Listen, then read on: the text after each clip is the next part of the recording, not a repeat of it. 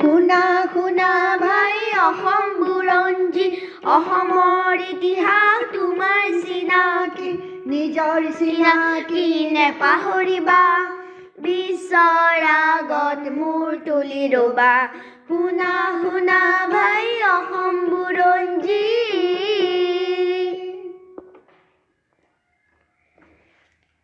যোৱাবাৰ তেনেহ'লে মই তোমাক কি কৈছিলোঁ? মনত আছেনে? ইংৰাজৰ ঘোষণা পত্ৰ মানে গুৱাহাটীত ইংৰাজে ঘোষণা কৰিছিল যে আমি তোমালোকক ৰক্ষা কৰিবৰ কাৰণেহে ইয়ালৈ আহিছোঁ। হয় নহয়?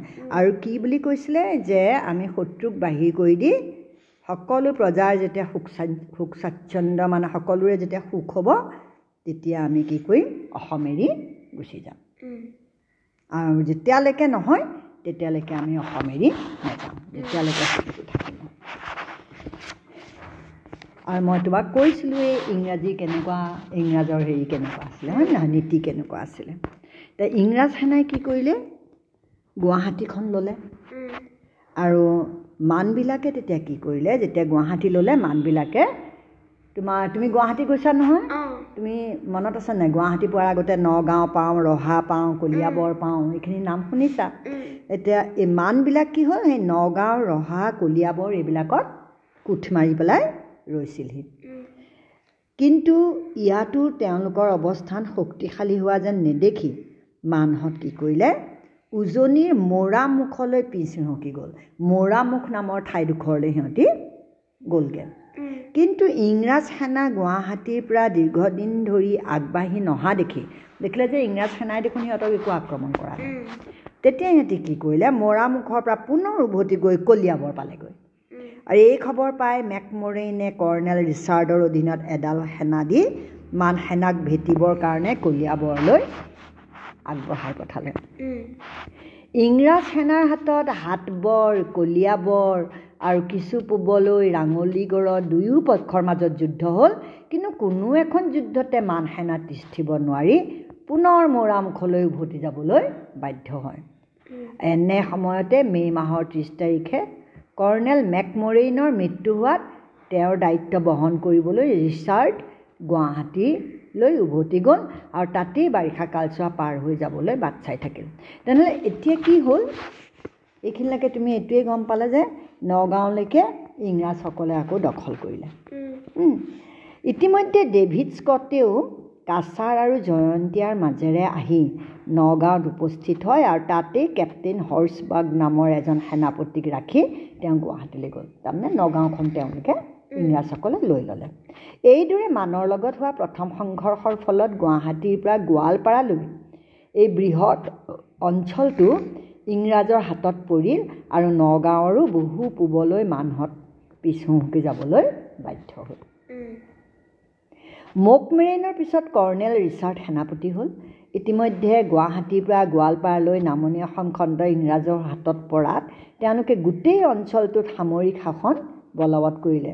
আৰু ৰিচাৰ্ড এই শাসনৰ সামৰিক শাসনকৰ্তা নিযুক্ত হ'ল আৰু ৰহা চকীৰ পৰা কাছাৰ পৰ্যন্ত ব্ৰহ্মপুত্ৰৰ সমগ্ৰ দক্ষিণ পাৰটো ইংৰাজৰ প্ৰত্যক্ষ শাসনত ৰাখি দৰং অঞ্চলটো তেওঁলোকে আগৰ দৰে দৰঙী ৰজাৰ তলতে ৰাখিলে। আৰু ডেভিড স্কটক গোটেই অধিকৃত অঞ্চলখিনিৰ ৰাজপ্ৰতিনিধি বা পলিটিকেল এজেণ্ট পাতি কোম্পানী চৰকাৰৰ ৰাজহ আদায়ৰ দায়িত্ব দিলে। ৰাজহ আদায় মানে কৰ টেক্স মানুহৰ পৰা টেক্স ল'বলৈ ধৰিলে। তাৰমানে লাহে লাহে তেওঁলোকে দখল কৰিছেই আৰু ইংৰাজে। গুৱাহাটী দখল কৰিলে আৰু কাৰণটো হৈছে মানৰ কাৰণে।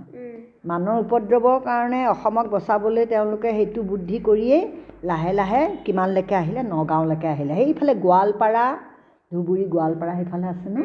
সেই তাৰ পৰা গোটেই গুৱাহাটী নগাঁওলৈকে পালেহি ইংৰাজ সেনা গুৱাহাটীলৈ যোৱাৰ পিছত মান সেনা পুনৰ নগাঁও আৰু কাষৰীয়া ঠাই কলিয়াবৰা আৰু ৰহালৈ আগবাঢ়ি গৈছিল আকৌ আহি পেলাই সিহঁতি ইংৰাজক আক্ৰমণ কৰিছিল এইখিনি আকৌ আমাৰ ঠাই বুলি তেওঁলোকে ল'ব খুজিছিল ইফালে মৌৰামুখত শকত ফৌজ এটা ৰাখি মিংগী বাহা ক্ৰদেন নিজেই ইয়াৰ দায়িত্বত ৰ'ল মিংগী বাহা হৈছে মানৰ সেনাপতি আৰু এই খবৰ পাই ইংৰাজ সেনা গুৱাহাটীৰ পৰা আগবাঢ়ি দুটা বাহিনীত ভাগ হৈ কলং আৰু ব্ৰহ্মপুত্ৰইদি উজাই নগাঁও পালেগৈ। তেতিয়া বাৰিষা পাৰ হৈ খৰালি আৰম্ভ হৈছিল। অক্টোবৰ মাহ নগাঁও ৰহা আৰু কলিয়াবৰ ইংৰাজৰ হাতত পৰিল। মান সেনা হাৰি ওঠৰশ পঁচিছ খ্ৰীষ্টাব্দৰ জানুৱাৰী মাহত পুনৰ মৌৰামুখ পালেগৈ। আৰু ইয়াতো ইংৰাজ সেনাৰ হাতত তিষ্ঠিব নোৱাৰি সেই মাহতে মান সেনা যোৰহাটলৈ পিছ হুঁকি গ'ল। ইংৰাজ সেনাই সেনা বাহিনীক পিছে পিছে খেদি গৈ তেওঁলোকক যোৰহাটত ধৰিলৈগৈ আৰু যোৰহাটত ধৰিলে সিহঁতক। আৰু এইদৰে জানুৱাৰী মাহৰ সোতৰ তাৰিখে যোৰহাটতো মান সেনা ইংৰাজৰ হাতত পৰাস্ত হ'ল। আৰু এই অভিযানত লেফটেনেণ্ট লেফটেনেণ্ট নিউভিল বুজিছানে? নিউভিল নামৰ নিউভিল নামৰ যিজন মানে ইংৰাজ হেৰি আছিলে তেওঁ তেওঁ তেওঁ কি কৰিলে? চোৰাংচোৱা বিভাগৰ ইংৰাজৰ সামৰিক বিষয়া এজনে যাৱতীয় সকলো খবৰ সংগ্ৰহ কৰি সৈন্যসকলৰ অগ্ৰগতিৰ সকলো ব্যৱস্থা আগতীয়াকৈ কৰি দিছিলে। আৰু মান সেনাই এইবাৰ ক্ৰমে মান সেনা এটা চোৱা যোৰহাটৰ পৰা ক'ত পাইছেগৈ তুমি এইবোৰ চব ঠাইৰ নাম জানা। জাজি আৰু গৌৰী সাগৰলৈ পিছুৱাই গৈ তাতে কোঠ মাৰি ইংৰাজ সেনাক বাধা দিবলৈ ৰৈ থাকে। এতিয়া ইংৰাজ সেনা ক'লৈকে আগবাঢ়ি আহিলে? জাজিতটো মান সেনাহে ৰৈ আছে মানবিলাকে তাৰ আগত ক'ত পাইছিলে? যোৰহাট? যোৰহাটলৈকে আহি গ'ল। এইখিনি চব গোটেইখিনি মানে ইংৰাজীও মানে কি কৰি আছে মানকো খেদাইছে নিজেও দখল কৰি আছে। গম পাইছা? কিন্তু দুয়ো ঠাইৰ যুদ্ধতে বিশেষকৈ জানুৱাৰী মাহৰ পঁচিছ তাৰিখে হোৱা যুদ্ধত গৌৰী সাগৰতো মানসেনা ঘাটি নামদং নদীৰ কাষ পালেগৈ। নামদাং নদী নামদাঙৰ শিলৰ শাকো দেখিছিলা নহয়? সদায় পাৰ হৈ যাওঁ আমি এই সেইখিনি পালেগৈ। ইতিমধ্যে নাৱেৰে যুদ্ধত সামগ্ৰী কঢ়ি কঢ়িয়াব নোৱাৰা অৱস্থা হোৱা দিশমুখতে নাও ৰাখি ইংৰাজ সেনাই সেইবোৰ বস্তু ৰাস্তাৰে কঢ়িয়াব লগা হৈছিল। যি হওক নামদাঙৰ কাষৰ যুদ্ধত মানসেনাৰ অৱস্থা অতি শোচনীয় হৈ পৰিছিল। আৰু এই যুদ্ধতেই অধিক সংখ্যক মানসেনাৰ মৃত্যু হ'ল।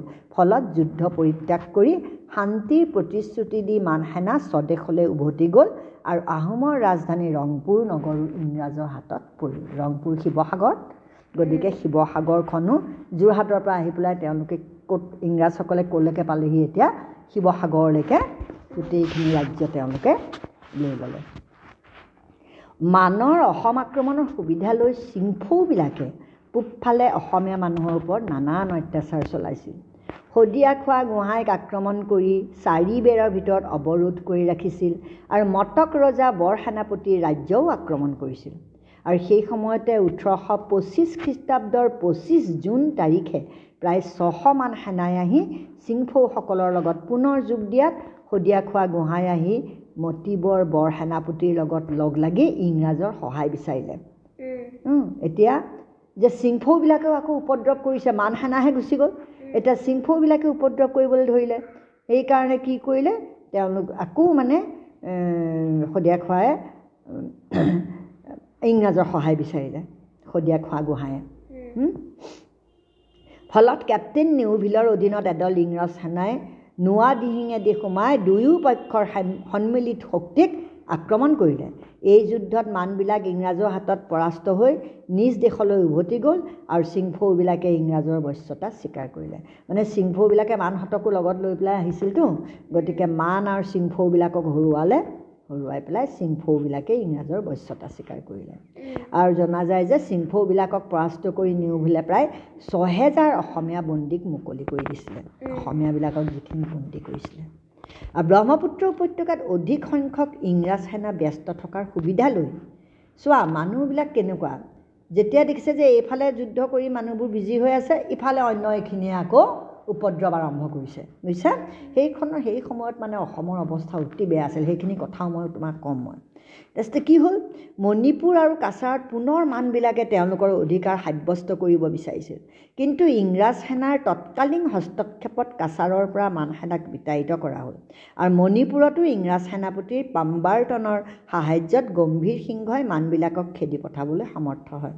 আগতেই উল্লেখ কৰি অহা হৈছে যে ইংৰাজ সেনাৰ এটা বাহিনীয়ে ব্ৰহ্ম সাম্ৰাজ্যৰ সাগৰীয় বাণিজ্যিক কেন্দ্ৰবোৰ অধিকাৰ কৰি ল'বৰ বাবে ৰেংগুনৰ ফালে আগবাঢ়ি গৈছিল। আৰু এই বাহিনীৰ সেনাপতি আছিল ছাৰ আৰু কেম্পবেল।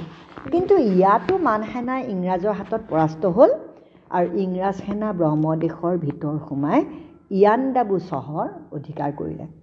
এতিয়া ইয়াণ্ডাবু তেনেহ'লে ক'ৰ চহৰ? ক'ৰ চহৰ? ইয়াণ্ডাবুখন ক'ৰ চহৰ?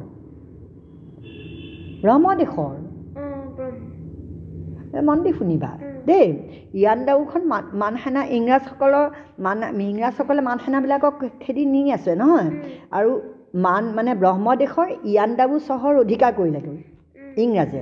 আৰু যুদ্ধৰ শেষত পৰিণতি এনে দুৰ্ভাগ্য দুৰ্ভাগ্যজনক দেখি মান ৰজাই ওঠৰশ ছাব্বিছ খ্ৰীষ্টাব্দৰ চৌব্বিছ ফেব্ৰুৱাৰী তাৰিখে ইংৰাজৰ লগত সন্ধি কৰিবলৈ বাধ্য হ'ল। আৰু ব্ৰহ্মদেশৰ ইয়াণ্ডাবুত বুজিছানে? ইয়াতে সন্ধিখন হৈছিল হোৱা এই সন্ধিৰ লগে লগে প্ৰকৃতপক্ষে অসমত ইংৰাজৰ আধিপত্য স্থাপন হয়। যদিও ওঠৰশ আঠত্ৰিছ চনৰ পৰ্যন্ত অসমক বিধিগতভাৱে ইংৰাজ কোম্পানী চৰকাৰৰ ৰাজ্যৰ অংশবিশেষ কৰি লোৱা হোৱা নাছিল। তাৰমানে ওঠৰশ ছাব্বিছ চনৰ সেই ইয়াণ্ডাবু সন্ধিতেই আচলতে কি হ'ল? অসমখন আৰু মানৰো অলপমান ব্ৰহ্মদেশৰো অলপমান ইংৰাজৰ হাতত পৰিলে। কিন্তু যদিও মানে পৰিলে তেতিয়াও ওঠৰশ আঠত্ৰিছ চনলৈকে আমাৰ ৰজাই মানে অলপ হেৰি কৰি আছিলে। যদি ইংৰাজৰ কৰতলীয়া ৰজা হিচাপে আছিলে। এতিয়া আমাৰ চোৱা মানৰ দিন বুলি ক'লেই মানুহে ভয় খাই গৈছিলে। তাৰমানে মানৰ এনেকুৱা অত্যাচাৰ। মানে তুমি এতিয়া গম পাইছা নহয় কেনেকৈ গুৱাহাটীৰ পিছত নগাঁও আক্ৰমণ কৰিছে যোৰহাটত আক্ৰমণ কৰিছে হা শিৱসাগৰ জাজি হা?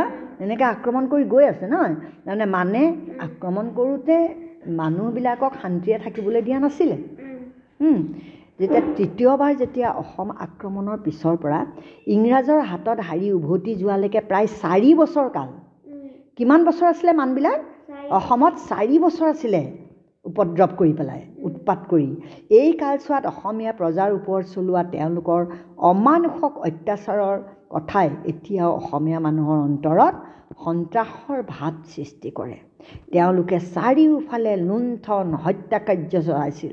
ঘৰ দুৱাৰ ভাঙি ছিঙি নাশ কৰিছিল। আবাল বৃদ্ধ বনিতা মানে বুঢ়া কেঁচুৱা সকলোৰে ওপৰত সীমাহীন অত্যাচাৰ কৰিছিল। আৰু মানুহবিলাকক ধৰি ধৰি জুইত পুৰি মাৰিছিল। আৰু জীয়াৰী বোৱাৰী সকলোকে ধৰ্ষণ কৰিছিল। মানৰ প্ৰথম আক্ৰমণৰ সময়ত অহা চেং আং নামৰ এজন মান সেনাপতিৰ বৰ্ণনা মতে সেইজনে বৰ্ণনা কৰিছিলে যে কেনেকুৱা ধৰণৰ অসমত মানে অৱস্থা হৈছিল যে মানুহৰ তেজেৰে বাট পথবোৰ ৰাঙলী হৈছিল। কাউৰী শগুনে মৰাশবোৰ টানি টানি নি উদৰ পূৰাই খাইছিল। ঘূণীয়া আধা মৰা আৰু মৰা মানুহৰ দেহেৰে বাট পথ হাবি জংঘল ভৰি পৰিছিল। কোনোটো মৰাশৰ হাত নাছিল কোনোটোৰ ভৰি নাছিল কোনোটোৰ নাৰী ভৰিবোৰ ওলাই গৈছিল। সেইবোৰ মানুহ মানুহ মণি তিৰোতা সকলোৱে কেঁচুৱা বুকুত বান্ধি বান্ধি হাবিলৈ পলাই গৈছিলে। আৰু মান সেনাই আকৌ হাবিলৈকে খেদি গৈ তেওঁলোকক তাতে ধৰি ধৰি মাৰিছিলে। বুজিছা? কোনো কোনোক ধৰি জীয়াই জীয়াই ছাল বখলিয়াই দিছিলে। তুমি ভাবিব পাৰানে এনেকুৱা অত্যাচাৰ কৰে? কোনোবাক তপত তেলত দি মাৰিছিল কাৰোবাক দলে বলে বান্ধি নামঘৰ বা তেনে ৰাজহুৱা ঘৰত সোমোৱাই জুই দি মাৰিছিল। এনেকুৱা মানে। ব্ৰাহ্মণসকলক ধৰি ধৰি এই গাহৰি মাংস খুৱাইছিলে মদ খুৱাইছিলে যিবিলাকে নাখাইছিল হা? গোসাঁই সত্ৰাধিকাৰসকলৰ সা সম্পত্তি কাঢ়ি লৈছিলে। বুজিছানে? এনেকুৱা ধৰণৰ অত্যাচাৰ কৰিছিল। দেশৰ এনে দুৰৱস্থাৰ সময়ত আকৌ অন্য যেনেকৈ চিংফৌ খামতি আদি জনজাতি সকলো বহি থকা নাছিলে। তেওঁলোকেও মানৰ লগ লাগি ওচৰৰ ঠাইবিলাকৰ মানুহৰ ওপৰত নানান অত্যাচাৰ চলাবলৈ ধৰিছিল। বুজিছা? শ শ মানুহক দাস কৰিছিল। এনেকুৱা হৈছে মানৰ অত্যাচাৰৰ কথা মানে তোমাক কি ক'ম আৰু মানে বুজাব নোৱাৰি। এনেকুৱা জন মেককোছে তেওঁৰ টপ'গ্ৰাফি অৱ আছাম নামৰ গ্ৰন্থত মানৰ আক্ৰমণৰ কেইবছৰমানৰ পিছত অসমলৈ আহি কি দেখিছিল বৰ্ণনা কৰিছে। বুজিছানে? যে কেইবছৰমানৰ আগতে ৰাজ্যখন খেতিৰে ভৰি আছিল।